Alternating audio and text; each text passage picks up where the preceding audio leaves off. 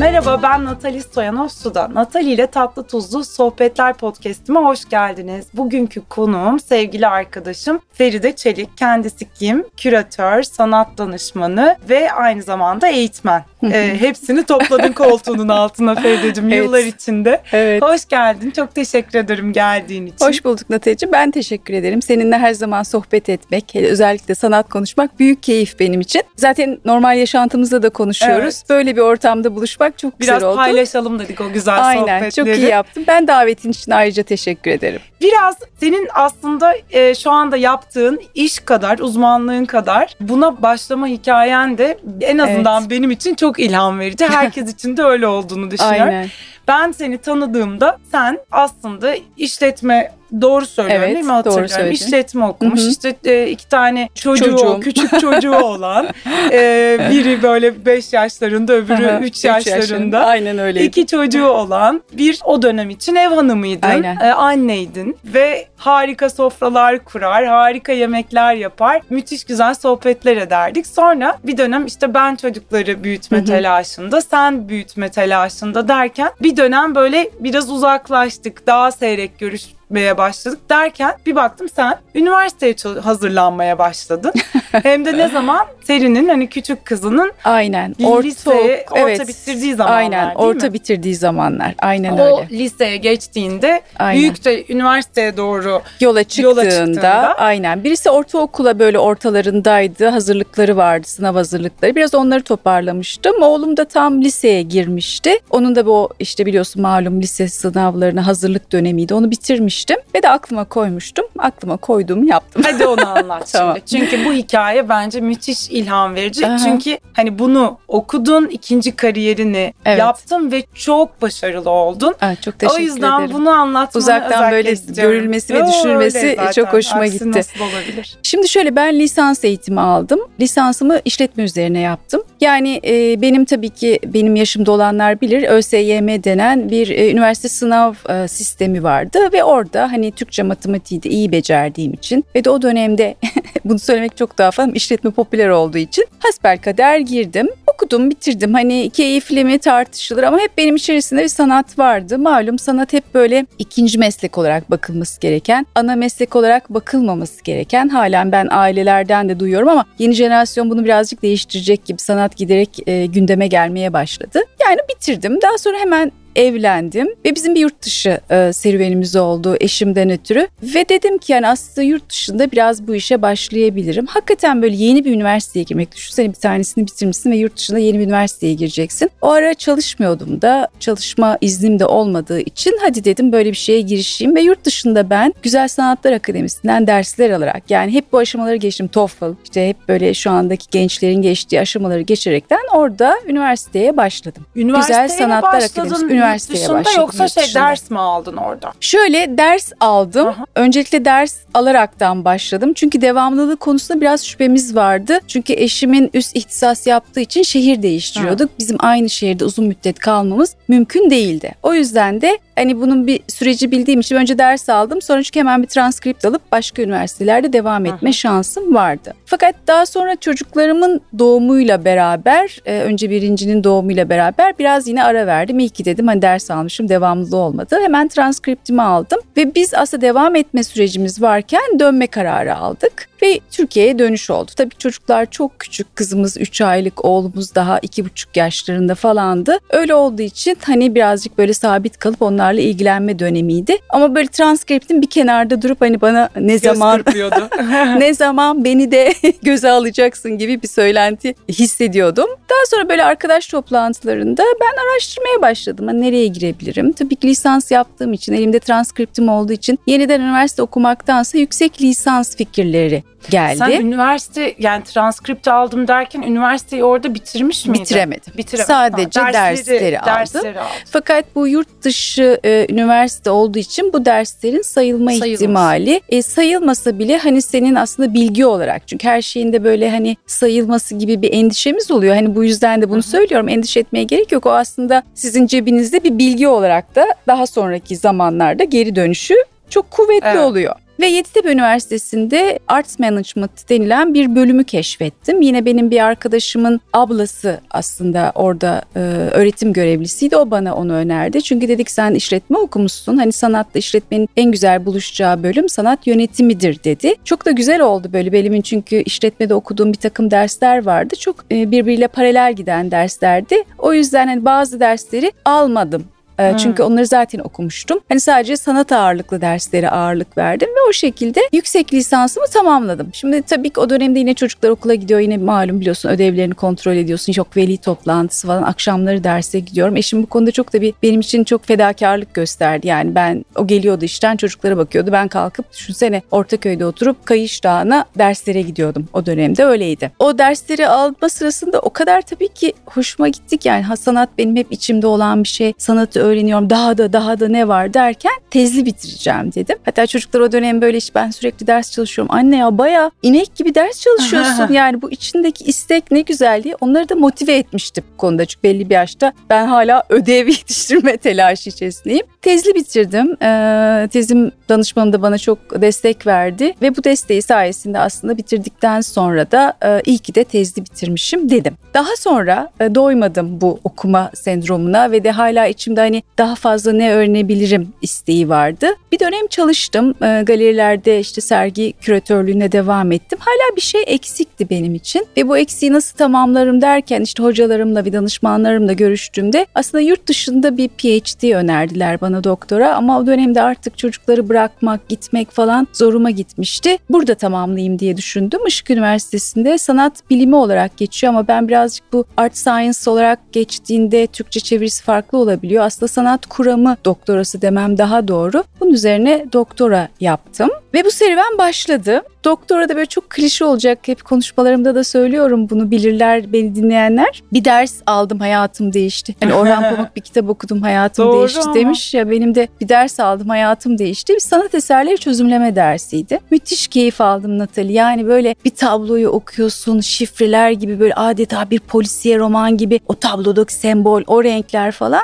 Müthiş keyif aldım. E, her ders hocamız bir yeni bir tablo çözümlüyordu. Ben eve gidip başka tabloları çözümlüyordum falan öyle bir şey oldu. Sonra Sen bir arkadaşım gez, gez yani senle birlikte gezerken tabii ben çok şanslıyım senle birlikte Canım. arkadaş kontenjanından gezdim ama hakikaten çok güzeldi. Çözümlersin tabloları, anlatırsın. Ondan şimdi anladım, bilmiyordum böyle olduğunu. Bir, bir, ee, evet, çok güzel özel e, ilgi. E, demek ki hani özel ilgin varmış Aynen. hakikaten. Tabii ki hani o, o tabii akımları okumamız işte bir takım tabii renk canım. kuramları falan gibi oluyor ama sen buna tabii ki katıyorsun yani okudukça gördükçe hani nasıl senin tariflerin gibi yani gelişiyor tarifler değil mi bu malzemeyi kullandım tabii, diyorsun.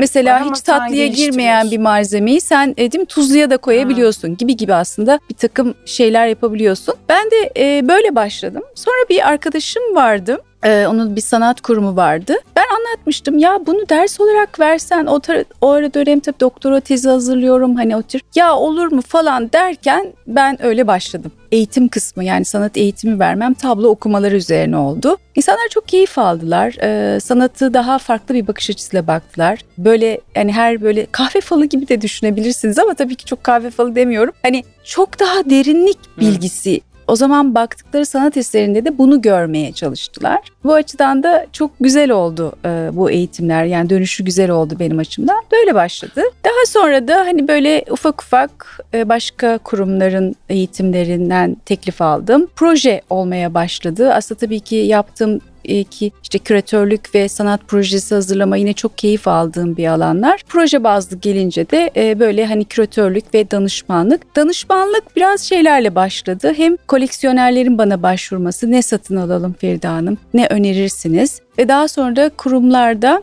bize gezdirir misiniz? Yani mesela ben bunu daha önce bana söyleseydin hani contemporary'yi işte çok da yakın zamanda fuar başlayacak. Contemporary fuarını bana gezdirir misin ki demin konuştun. Evet. Yani bu şey gibi derdim yani bana elbise alırken soruyor musun ben bir moda şey değilim hani danışman değilim. Hani ama demek ki işte sanat danışmanı da yeni bir meslek türü. Benim zevkimle gezeceksiniz. Çünkü ben orada eser seçkisi yapıyorum kendime ve onun üzerinden anlatıyorum. Tabii ki genelinden bahsediyoruz işte hangi eser popüler diyoruz ve böyle gerek Biennale'de olsun gerek müze turlarında olsun gerek Contemporary'de olsun onlara gruplara danışmanlık hizmet veriyorum. Hı hı hı. Böylece de o türde doğdu diyelim.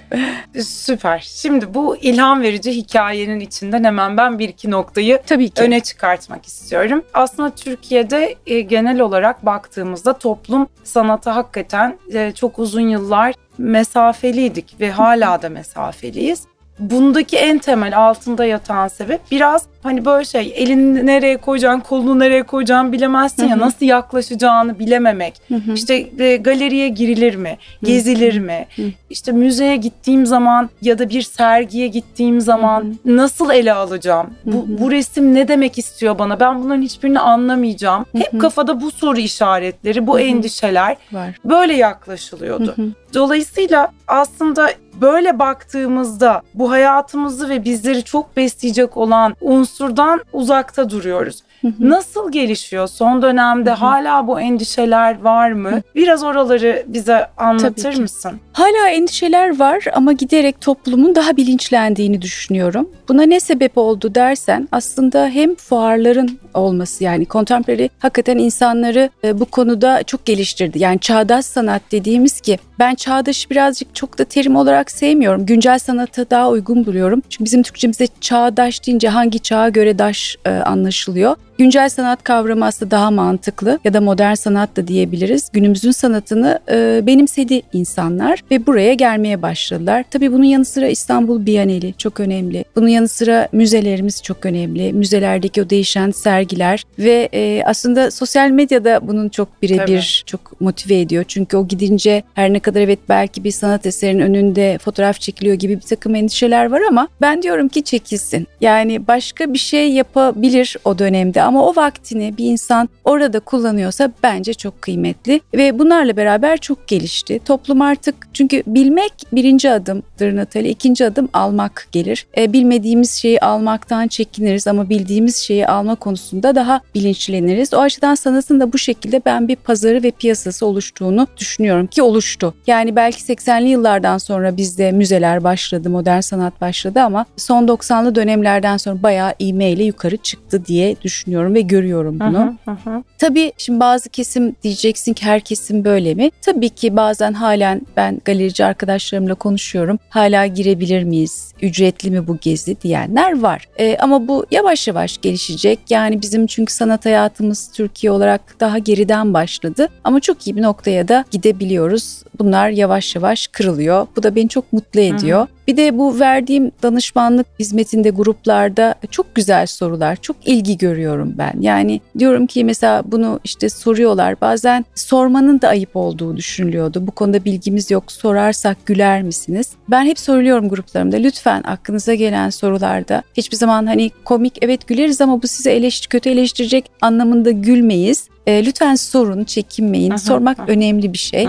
E, soruların cevaplarını aldıkça da insanlar rahatlıyorlar. E, bence bu da kıymetli. sanatına erişilebilirliği noktasında erişilmesi gerek noktasında Hı hı. aslında sen biraz evvelki sohbetimizde girmeden podcast'te bir e, Evet. çok tatlı bir hikayeden bahsetmiştin. Çok da çarpıcı. Aslında her kesimden insanın bir şekilde sanatla e, ilişkide olması Çok gerekliliğine dair çok güzel zamanda bir yolculuk gibi. Biraz onu Aynen. bize anlatır Tabii mısın? ki, çok tabii ki. anlamlı bence. Çok güzel bir hikayeydi. Ben de bu Sabancı Müzesi'nde gerçekleşen bir sergiydi. Konstrük- konstruktivizm sergisiydi. Rus ressamların koleksiyonunun sergilendiği bir dönemdi. Pandemiden oldukça önceydi diye hatırlıyorum. 3-4 sene önceydi. Bu bir e, şimdi hep bana soruluyor. Oradan başlayayım. Yani işte sanat eseri almak nasıl? Çok mu pahalı? Bütçemizi neye göre ayarlayacağız? Bunu alırsak işte kıymetli olur mu? ileride değerlenir mi? gibi sorular geliyor. O açıdan hani belki bunlara da yanıtlamış Çok oluruz. çok güzel olur. Ee, evet. çünkü illa sanat eseri pahalı bir şey değil. Herkesin bütçesine göre sanat eseri alınabilir. Bu sergide de bir Yunan asıllı bir şoför yani bunlar ailecek Kostakis e, isimli ki pek çoğunuz belki bilir. Bu ailecek Moskova'ya göç ediyorlar Yunanistan'dan, Atina'dan ve e, orada Bu yerleştiğinde? Dok- oldukça, Oldukça 1900'lerin başı falan evet gibi mi? o dönemler Aa. olmalı. Ve ailesi yerleştirdikten sonra Kostakis şoförlük yapıyor. Yani büyükelçilikte yine Yunanistan'ın büyükelçiliğinde şoför olan bir adam. Ve hep böyle yabancı e, büyükelçileri gezdiriyor şoförlük yaptığı için. Büyükelçiler de genellikle Moskova'da böyle antika dükkanları, Moskova çünkü bir dönem hakikaten Picasso'lardan tutun da yani kendi bünyesinde de çok kıymetli Rus ressamlar var ama malum komünist rejim bir takım Rus ressamların engellemiş durumda ve bazı yerler satabiliyor Rus ressamların eserlerini. Herhalde o yabancı konuklar da bunu bildiği için Kostakis'i yönlendirip o dükkanlardan alışveriş ediyorlar. İlla hani sanat eseri gibi düşünmeyelim. Hani bazen antik obje falan da toplamış ve bu her e, maaşının bir kısmını diyelim böyle bir eser almaya ayırmış. O kadar çok birikmiş ki Natali. Yani artık adamcağızın ki düşün şoför olduğu için de çok küçük bir e, apartman dairesinde yaşayan. Komünist memleket hani Aynen. zaten orada daha hani yaklaşım Kesinlikle. daha farklı. Ve böyle böyle artık böyle yerden tavana kadar eserleri asmaya başlamış ve bunları paylaşma gereği duymuş adam. Ve evini işte hafta sonu çalışmadığı zamanlar halka açıyor. Yani bir ev müze diye düşünebiliriz ve insanlar gelip eserleri görüyorlar. O dönem için tabii de çok motive edici bir durum. Fakat bu iyi de olmamış Kostakis adına. Çünkü sonrasında da e, Rus hükümeti orada bir takım yasaklı eser ya da yasaklı sanatçı dediğimiz eserleri gördüğü için dönmesine yakın o eserleri elinden almış Kostakis'in ve ailesiyle birlikte tekrardan Atina'ya dönmüşler. Daha sonra Yunanistan hükümeti Kostakis'in koleksiyonunu çok kıymetli bulduğu için müze olarak ve işte devlet olarak Kostakis'in orada kalan eserlerini parayla satın almışlar ve şu anda Atina Müzesi'nde Kostakis'in koleksiyonu sergiliyor. Bu da bu Sabancı Müzesi ile ortaklaşa bir sergiydi. Kostakis'in koleksiyonundaki pek çok eser Sabancı Müzesi'nde sergilenmişti. Çok kıymetli bir sergiydi. Belki e, dinleyenlerimiz e, yine Sabancı Müzesi'nin internet hesabından bakabilirler, e, hı hı, bilgi hı. alabilirler. Çok motive edici ve koleksiyoner olmak isteyenlere bence ilham verici bir çok, hikaye diye çok düşünüyorum. Çok hakikaten öyleymiş gerçekten ben de Hı-hı. bilmiyordum bunu. Biraz e, bugüne geldiğimizde Hı-hı. bugünle ilgili bugünün sanatıyla ilgili bir soru sormak istiyorum. Hı-hı. Bugünlerde daha çok var mı böyle bir hani tırnak içinde moda diyeceğim ama trend bir e, eser. Trend eser e, türü olarak yani Hı-hı. tabii sanatçı olarak söylemiyorum ama Hı-hı. var mıdır trend eserler e, daha çok mail edilen, e, sorulan, takip edilmek istenen, alınmak istenen? E, var. Yani şimdi Mesela ben şunu görebiliyorum. Heykel sanatı büyük bir değişime geçirdi. Bizim ülkemizde heykel sanatına biraz daha geç giriş vardı. Genel sanat tarihi boyunca baktığımızda şu anda mesela hem heykel üreten sanatçıların arttığını ve malzeme konusunda da çok fazla çeşitlilik görüyorum. Hatta bunun üzerine Ekim ayında inşallah gerçekleşecek bir sergim de var. Heykel sanatı hem e, birazcık böyle insanlara uzak gelen bir sanatken çok yakınlaştı malzemelerin değişmesiyle beraber yani sadece o bütün olarak işte bir mermere şekil veren heykel sanatı öyle anlaşılıyordu ya da işte bir ahşaba şekil verme sanatı olarak anlaşılırken bunun artık boyutları çok değişti, çok farklılaştı. Bu da tabii ki dijital teknolojinin girmesi de buna bir şey açtı, yol verdi. Çünkü artık sanatçılar her türlü malzemeden üretim yapabiliyorlar. Evet elle şekil vermek olsun ama onun yanı sıra bu 3D dediğimiz yeni bilgisayar programları sayesinde aslında artık her şey üretilebiliyor. Yani hayalet olsun denir ya teknoloji bize onu sağladı. Hayalet olsun deniliyor ve sanatçılar değil mi? gibi yani e, çünkü görüyor malzemeyi çünkü öbür türlü malzemeyi alacak malzemeyi işte yok yontacak kıracak yapıştıracak ziyan olacak ama öncesinde bilgisayar teknolojisi sayesinde bunun çizimini yapıp üretimi ve nasıl olabileceğini gördükten sonra çok rahat bir şekilde ilerleyebiliyor. Bir de tabii ki dijital sanat modası da var. Evet ee, onu soracaktım zaten. Aynen. Aynen bu da aslında girmeye başladı. Yani o zaman popüler eser dediğimizde şu anda daha çok e, heykel, heykel üç boyutlu. üç boyutlu bunlar popüler diyebiliriz Ama böyle çok mesela şey bir koleksiyoner söylemişti onu çok da hoşuma gitmişti. Eseri ben anlamalıyım zanaati de bol iş olsun diye söylenmişti. E, bu çok önemli aslında hmm. yani hatta Erol Tabanca söylemişti bunu OM e, Odun Pazarı e, Modern Müze'nin kurucusu. Güzel bir şey insanın bir hedefinin olması ve bu tür işler aslında koleksiyonerler söyledikten sonra da Natali insanlara daha şey oluyor ilham kaynağı oluyor. Hı Ben de o zaman alabilirim deniliyor ve böylece aslında koleksiyoner olabiliyor ve o sanat eseri de tabii ki trend oluyor. Ne kadar çok önemli kişilerin sanat dünyasındaki önemli kişilerin satın alması o trendi de yaratıyor demek Hı, mümkün. Hı hı. Peki hemen dijitalden devam edelim. Hı hı. E, dijital e, yani es, sanatın dijitalleşmesinden hı hı. E, bahsedelim. Hı hı. Nasıl hani e, hani geleneksel sanatı hı hı. E, öldürür mü ya da e, hı hı. yani nasıl bir ilişki var ve kendisini Güzel. düşündüğümüzde sanatçılar arasındaki yeri nedir? Çok güzel bir soru. Şimdi sanatın dijitalleşmesini bir kere iki türlü ele almak lazım. Şimdi pandemiden sonra bir hayatımıza bir NFT kelimesi girdi.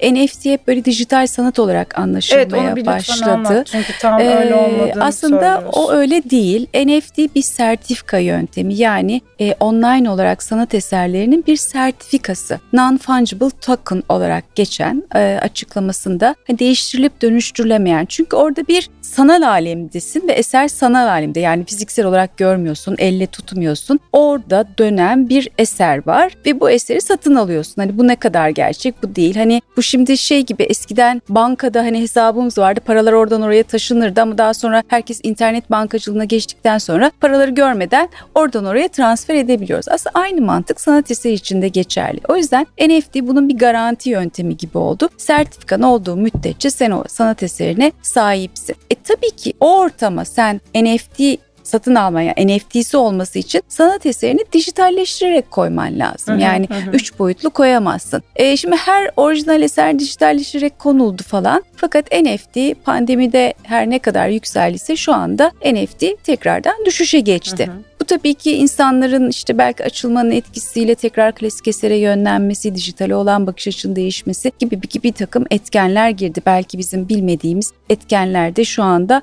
söz konusu olabilir. Onun yanı sıra dijital teknikle üretilen eserler Aslında var. Aslında teknolojinin sanatın içine yani en biraz öyle karıştırılıyor anladığım evet, kadarıyla. Aynen. Dijitalleşme ve teknolojinin sanatın içine girip fiziksel olarak bir varlık oluşmasıyla NFT karıştırılıyor. Aynen öyle. Aynen öyle. Çok Dij- güzel tanımladın. Evet. Hı. Bunun yanı sıra dijital algoritmalar, bilgisayar programları beraber üretilen ki yine hani çok e, hakikaten iftihar edilecek bir evet. uluslararası sanatçımız Refik Anadol dünyanın pek çok yerinde yine istatistiki verileri kullanaraktan algoritmalar sayesinde işte binaları giydiriyor. Muhteşem Ay, eserler evet. alıyor. Hani Barcelona'da bak, muhteşem Gaudi'nin Değil mi? Sanat aynen. Son Bu da New York'taki MoMA'da mıydı? MoMA'da yer aldı. Değil mi? Orada aynen. da o çok sık değişiyor orada Kesinlikle. da sanırım görüyorum ben. Gittim ziyaret etmiştim ama şimdi sosyal medyada çok çok etkileyici ve çok gurur verici verici. Aynen. Şu anda da yine İstanbul Modern Müzesi'nde kalıcı bir enstalasyonu var Refik Anadolu. Bu tabii ki hani izleyiciyi dijital anlamda hani içine alan çünkü hı hı. girince hakikaten o eserin içinde hissettiren bir efekt yaratmış oluyor. Bu da yine bir dijital teknolojiyle üretilen bir sanat yerleştirmesi diyoruz biz buna. Bir şey sormak istiyorum. Sözünü bölüyorum ama algoritmalarda bir tema mı oluyor? Öyle bir, bir şey hatırlıyordum ama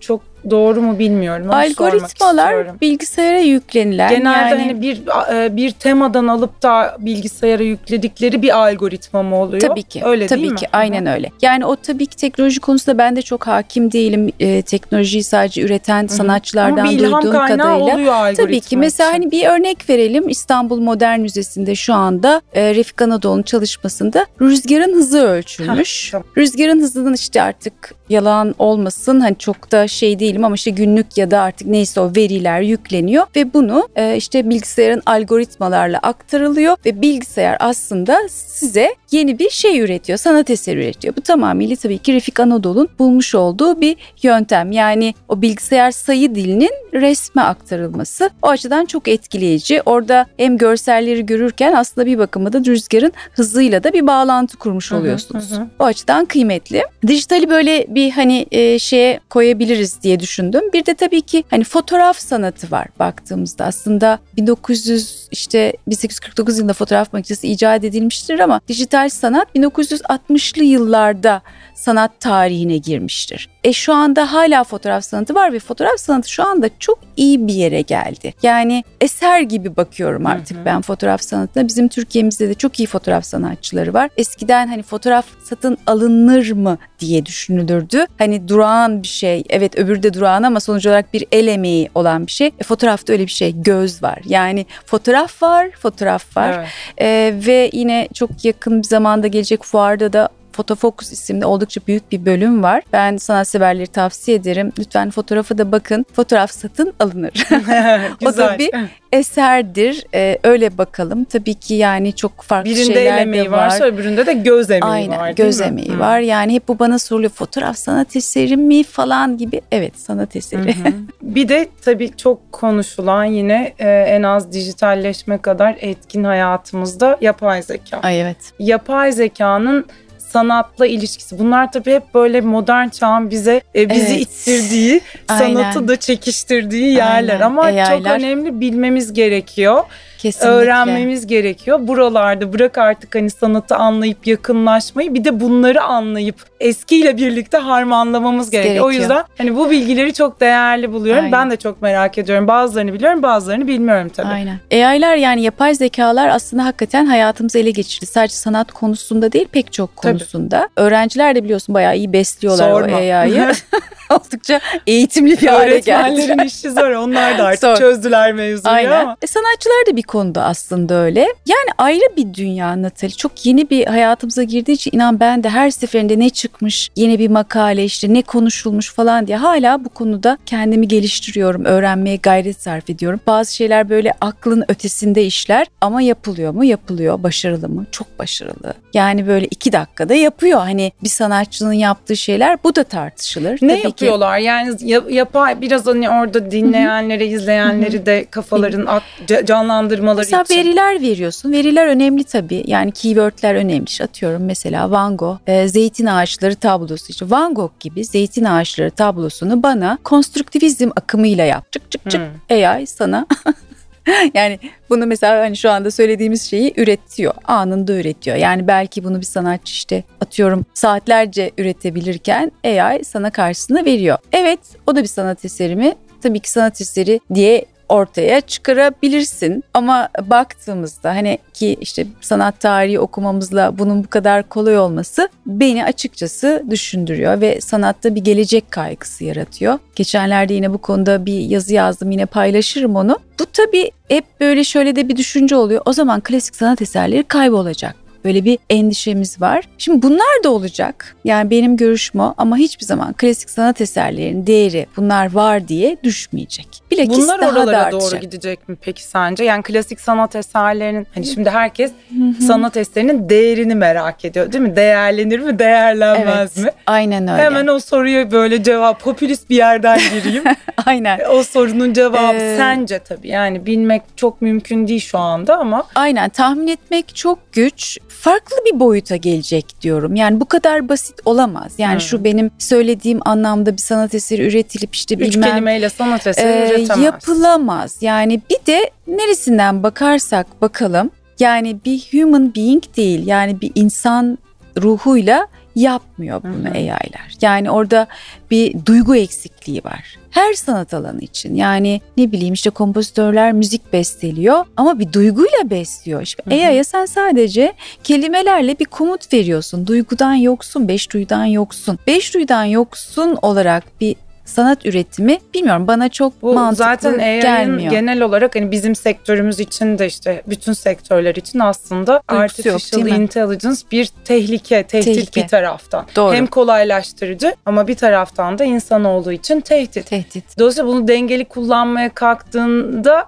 belki bir e, bir noktaya gelecek, bir değer haline dönüşecek ama en büyük hepimizin herhalde senin de söylediğin gibi handikapı e, duygu eksikliğinin o beş duyduğun eksik olması. Yani o tamamlanırsa Hala da korkulur. insanı değerli varlık halinde Aynen.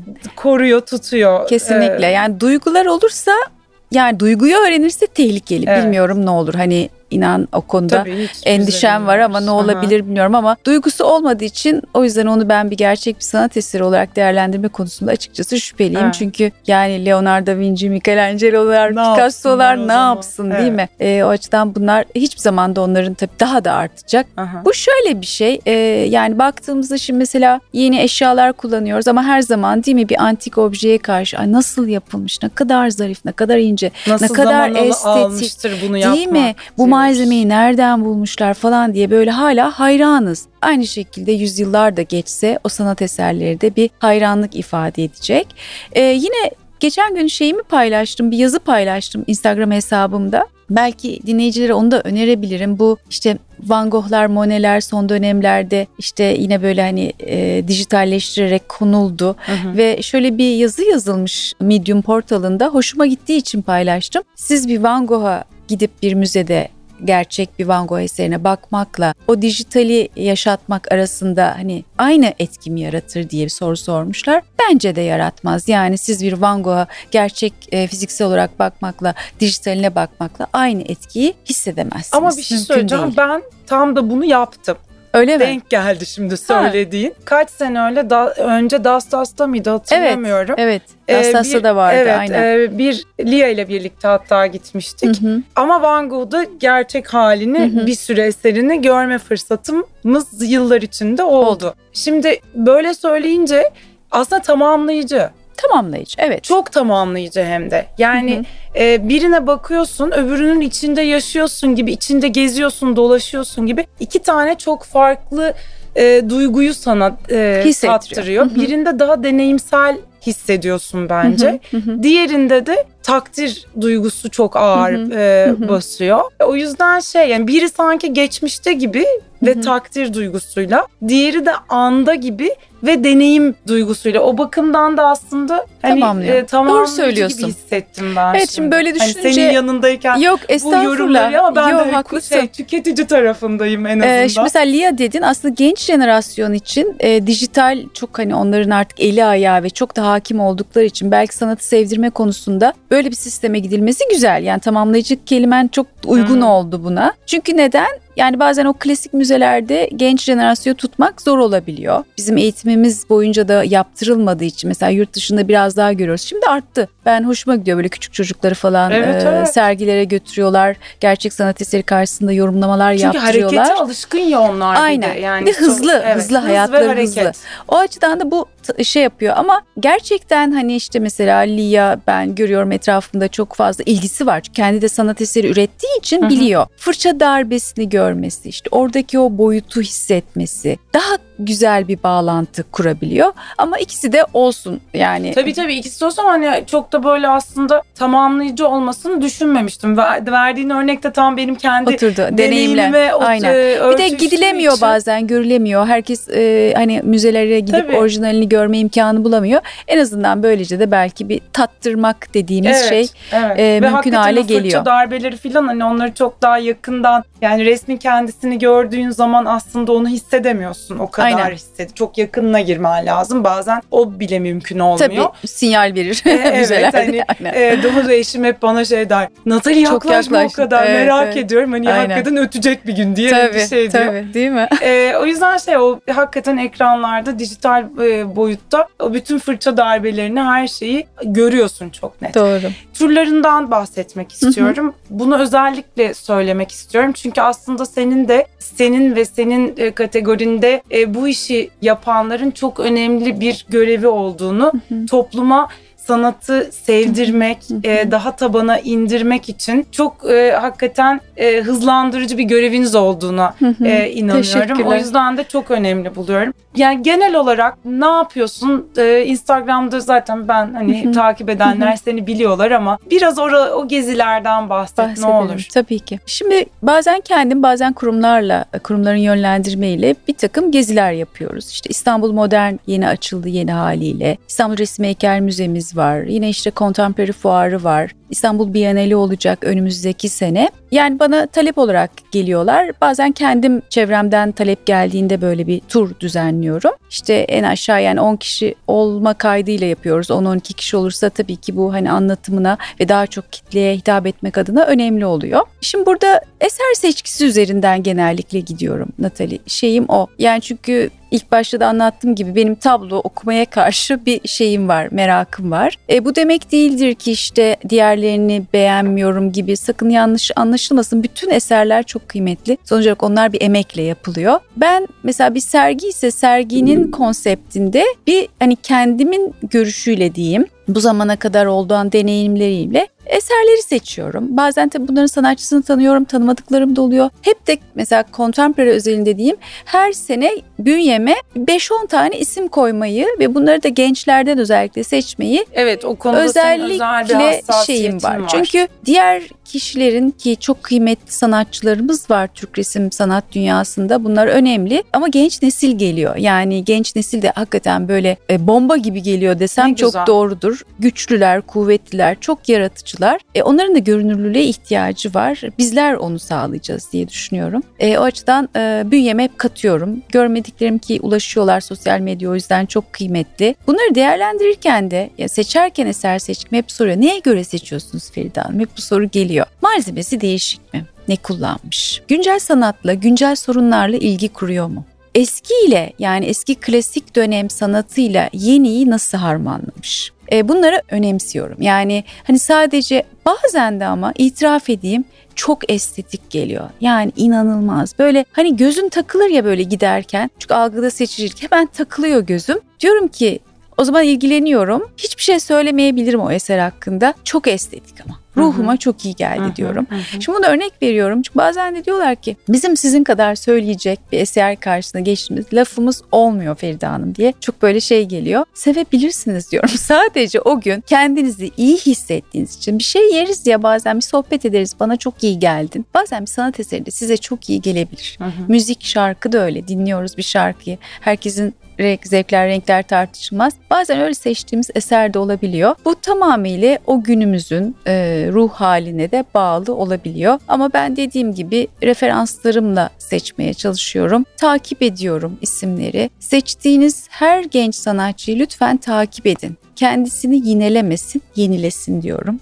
Bu da önemli. Hı hı, bu da aslında sizi bu sanat piyasasında da aktif tutuyor. Şimdi yine çok e, yakınlarda önemli bir sanat İstanbul için önemli bir sanat fuarı Fuar. var. Contemporary geliyor. E, onun için neler söylemek istersin? Epey sene oldu değil mi sürekli? Her kaçıncı senesi bu sene? Bu sene 18. Evet. gerçekleşecek. Hatta artık senede iki kere oluyor. Bir de Bloom olarak hazırladıkları daha küçük versiyonunu gerçekleştiriyorlar. Son dönemlerde de biliyorsun pandemiyle başladı. Haliç Tersanesi gibi güzel bir mekanda Ay, oluyor. Nefis, hakikaten. E, şimdi mekan çok önemli. Yani e, şimdi böyle bazen Venedik'e gidiyoruz Biennallerde Arsenale. E, tersanede Arsenale'miz yani ha. zaten e, Latin kökenli de bir isim olduğu için çok da benzerlik kuruluyor. Çok güzel. Orada kültürle sanatın buluşması bence çok kıymetli. Mekan zaten sizi cezbediyor. Fakat mekanın yanı sıra tabii ki biz oraya contemporary dediğimiz eserleri, güncel eserleri görmeye gidiyoruz. Her sene çok farklı bir boyuta giriyor. Ee, diyeceksin ki ne farklı boyuta geliyor? Ben şeyi önemsiyorum. Değişik disiplinlerin buluşmasını. İşte mimariyle sanat buluşuyor, tasarımla sanat buluşuyor, müzikle sanat buluşuyor, performanslar yapılıyor. Yine sürdürülebilirlik ki çok fazla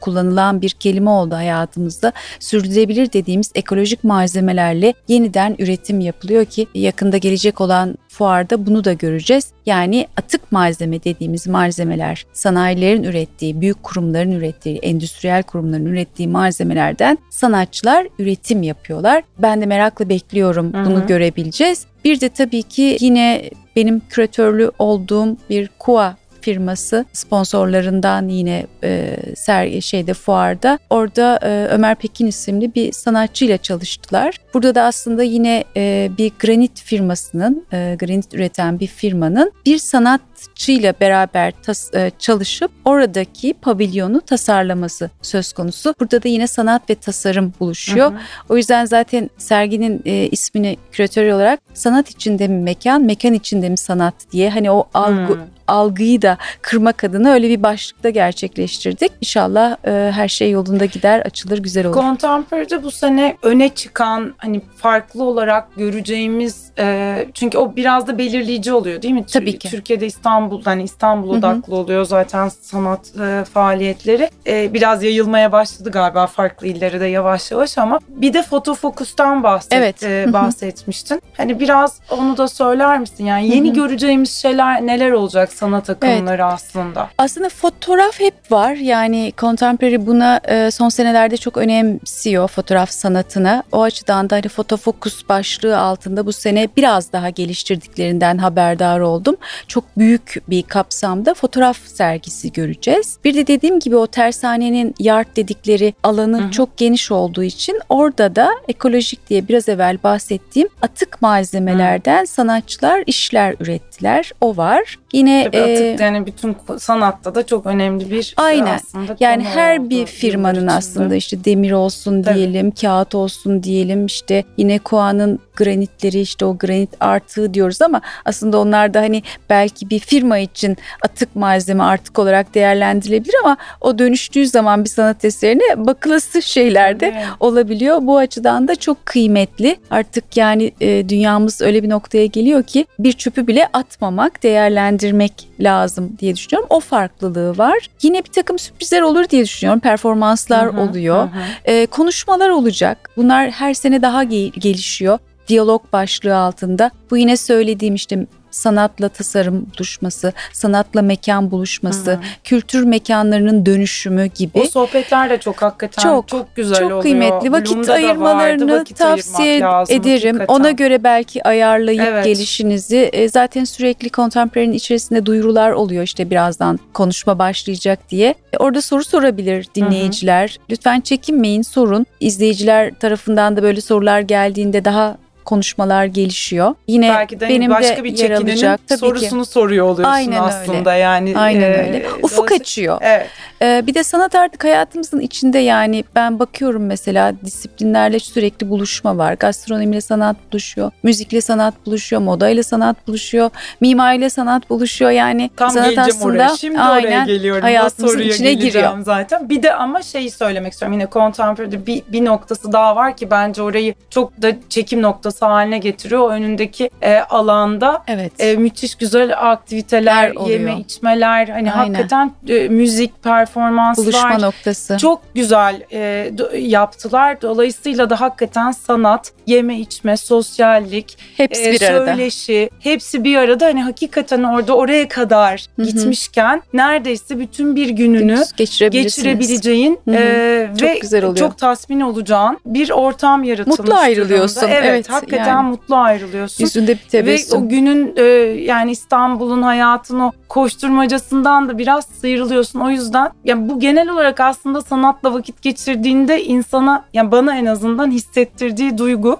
Kesinlikle. E, ama şimdi herhalde yakında olduğu için de Aynen. E, daha çok dile getirme ihtiyacı Kesinlikle. da duydum ama hakikaten çok emek verilen organizasyonlardan Çok zor, çok tanesi. kıymetli. Yani hakikaten 18.si dile kolay. E, ekibi de tanıyorum, biliyorum. Evet. Çok uğraşıyorlar. Çok önceden başlıyor hazırlıklar. Tabii bu yani senede iki kere oluyor dedim. Bu büyük olan, büyük evet. olan da bir de uluslararası galeriler giriyor. Bu da çok güzel bir network sağlıyor. Yani hem bizim kendi galerilerimize hem diğer galerilerde bir sanatçı değişim Hı-hı. oluyor ve bu da aslında ona bir zemin hazırlıyor. Evet, dur onu sorayım. Bir sonraki Hı-hı. soru deminkiyle de alakalı ama şunu Hı-hı. hemen gelmişken sormak istiyorum. Şu anda Türkiye'deki sanatçıların Hı-hı. aslında e, dünyadaki yeri ne durumda? Geçmiş zamanlara göre de hani global o sanat dünyasının içinde de. Çok iyi gidiyoruz Çok Natali. Iyi gidiyoruz. Çok gurur verici. Ben yani tüm gençleri de takip ettiği için ve de işim gereği çok fazla seyahat ettiğimden yurt dışı ülkelerinde eskiden böyle hani müzede parmakla gösterilecek kadar azdı biliyorsun hı hı. Türk sanatçı ismi. Şu anda görüyoruz. İstanbul, Süper. Venedik Bienalinde de görüyoruz. Diğer farklı farklı gezdiğim ülkelerdeki müzelerde de mutlaka mutlaka hı hı. bir Türk ismine rastlayabiliyorum. Bu beni çok mutlu ediyor. Ve e, şimdi mesela şey teknolojide hep biz böyle biraz gerideniz deriz, takip edemiyoruz falan deriz. Bilakis dijital, dijital sanatta çok iyi bir konumdayız. Bunu yani böyle gururla söyleyebiliyorum. Evet, hani sadece hani evet Refik çok Refik hani başka evet, bir biliyoruz. yere koyuyoruz hmm. ama onun yanı sıra çok iyi isimler var. Yurt dışındaki pek çok bu sanatçı yerleştirme programı dediğimiz programlara katılıyorlar. Onun da etkisi var. Bu konuda çok da destekliyor bir takım sanat kurumları. Bu da çok hani buradan teşekkür etmek lazım. Süper. Gençleri desteklediği için. Ee, bunların da tabii etkisiyle iyi bir yere geldik. Daha da iyi konuma geleceğimizi. Harika. ödüllerden de duyuyorsundur. Hmm, evet. Gerek video ödülleri gerek e, yabancı film ödülleri hep Türklere gidiyor. Da çok hakikaten gurur verici. Harika. Devam diyoruz. Ee, inşallah. Süper harika. Son sorum e, demin söylediğin yemek sanat ilişkisi. İlişkisi, Tabii artık evet. hani yemek deyince e, ben Aynen. kendimi yemek hariç düşünemediğim için Aynen. sofralar, yemek Hı hı. ve sanat. Aslında senle dostluğumuzun başladığı yıllar bizim hep sofra Evet. etrafında. Aynen. Ee, güzel yemekler, güzel sofra, güzel sohbet ve içinde sanatı da konuştuğumuz e, yılla, Evet. yıllarımız Evet, böyle geçti aynen, aslında. Aynen. E, şimdi yaptığın işi de düşündüğümde tabii e, hani senin o birikimin e, muhakkak konu oraya geldiğinde çok anlamlı oluyordur. Sanatla yemek ilişkisinden e, bahsetmek istersen neler söylemek istersin? Nasıl kurabiliriz ilişkiyi değil mi? Şimdi e, biraz evvel yine dışarıdayken beklerken sohbet ediyordum. Şimdi yenebilir sanat diye bir şey var. Yani yenebilir sanat projesi ki ben bir dönem gerçekleştirdim. Yani hakikaten sanat eserinin yenmesi yani isminden de ötürü. Ama bir de tabii ki sanatla yemeğin bağlantısı var. Bu yüzden ben e, sanatla yemek deyince böyle iki e, Doğru. ayırıyorum onları. Bazı sanatçılar mesela sanat konusunda da yani yenebilir işte yiyeceklerden sanat eseri üretebiliyorlar. O yüzden yenebilir diyorum. İşte mesela çikolataya bir şekil vermek bu da aslında yenebilir sanat. Evet belki olduktan sonra yemeğe kıyamıyor biliyoruz. O kadar güzel olabiliyor. Ama onun yanı sıra yemekle sanat ilişkisi. Yani aslında baktığımızda bir sanatçı da bir şef gibi malzeme kullanıyor. Malzemeleri bir araya getiriyor. Uygun olmasını gerektiriyor ve hani evet belki onu tatmıyoruz ama orada bir görsel olarak bir ilk önce görsel bir doyuma ulaşmamız gerekiyor. Yani ben de biliyorsun çok ilgiliyim yemeği çok seviyorum. Hem Bilmez yemeği miyim? seviyorum hem sofralar düzenlemeyi seviyorum ama burada sanattan besleniyorum. Nasıl besleniyorum? Belki renk uyumuyla besleniyorum. Yani o hani uyum koyduğun şey ve birliktelik de çok önemli. Yani sanatta da o önemli. Biraz evvel bahsettim hani e, malzemesi önemli dedim sanatçının bir araya getirdiği ve bazen şaşırtıyor beni dedim. Bu malzeme bu sanat eserine olur mu? Yemekle de böyle bir ilişki kuruyorum Hmm. aslında. Bu malzeme yemekte olur mu? Hani işte atıyorum ıspanaklı kek değil mi? Ispanağı keke kullanmak gibi. Bazen hani şaşırtan işler e, beni böyle sanat malzemesi bağlantısı konusunda da bir paralellik teşkil ediyor. hı hı. Ama onun yanı sıra e, ünlü ressamların ki Picasso ilk aklıma gelen ressam onun bir sofraları var. Evet. Senin e, paylaşımlarında gördüm Picasso'nun Şimdi kitabın adını ben de Evet, unuttum. Ee, aşçı ya da şefliği gibi. Picasso'nun aşçısı. ahçısı. Ee, Ee, müthiş, aslında çok, hani almış. ismi çıktığı için Picasso'nun sofraları ki ben geçenlerde yine bir sunumumda da söyledim. Onun ayrı bir çünkü kendisi de meraklı olduğu için böyle de bir merak var. Ama tablolarda bizi bir şekilde besliyor. Yani renk olsun, sunum olsun. Ben çok yararlanıyorum. İkisiyle de böyle çok bağlantı kurabiliyorum. Ferideciğim çok teşekkür ederim. Ben İyi ki teşekkür geldin. ederim. Yine e, Çok keyifli o kadar çok sohbet seninle oldu. sohbet ediyorum. Aynen. Ama her seferinde başka şey öğreniyorum. Bugün de öyle günlerden Ne biriydi. güzel, ne mutlu Çok bana. teşekkür ederim. Ben teşekkür Paylaştığın ederim. bilgilerini bizimle. Ben teşekkür ederim. Ee, Natali ile Tatlı Tuzlu Sohbetler podcast'imin sonuna geldik. Bir sonrakinde görüşmek dileğiyle. Hoşçakalın.